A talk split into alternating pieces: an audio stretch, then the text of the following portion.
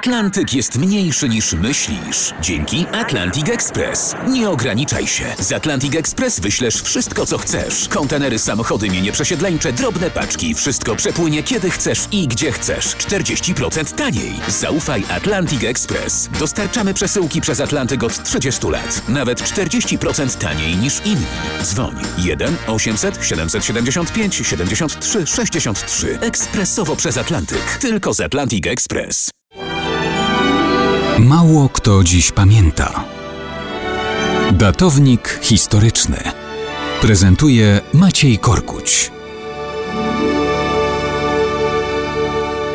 Mało kto dziś pamięta, że 24 marca 1794 roku Tadeusz Kościuszko złożył na krakowskim rynku uroczystą przysięgę. Jednocześnie ogłosił, że obejmuje stanowisko najwyższego naczelnika siły zbrojnej narodowej. To był początek insurekcji i wojny przeciw rosyjskiemu imperium. Kościuszko owiany był już sławą bohatera amerykańskiej walki o niepodległość. Był dobrze pamiętany w Polsce z bitwy pod Dubienką z czasów obrony Konstytucji 3 maja. Rewolucyjna Francja uznała go za swego honorowego obywatela. Wszystko to razem jednoznacznie negatywnie kojarzyło się carycy Katarzynie II z osobą Kościuszki. Już po rozpoczęciu powstania w Polsce caryca pisała do Aleksandra Suworowa. Znany wam z pewnością buntownik Kościuszko, podburzywszy Polskę, w swych kontaktach z potworami rządzącymi Francją zamierza wszędzie rozsiewać bunt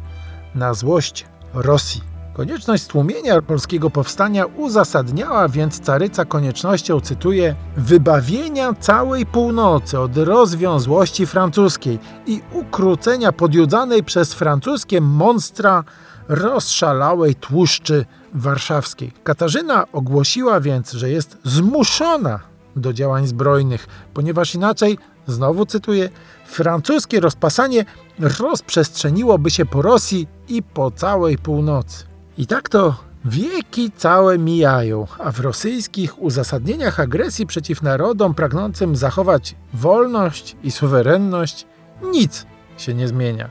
W 1794 roku Rosja zdusiła powstanie w Polsce, bo musiała się bronić rzekomo przed pragnącymi samodzielności Polakami. Dzisiaj Rosja również głosi, że musi się bronić przed Ukraińcami i ich też musi wyzwalać przed rzekomo nielegalnym reżimem. Tyle, że francuskie monstra dzisiaj zostały zastąpione potworami z NATO.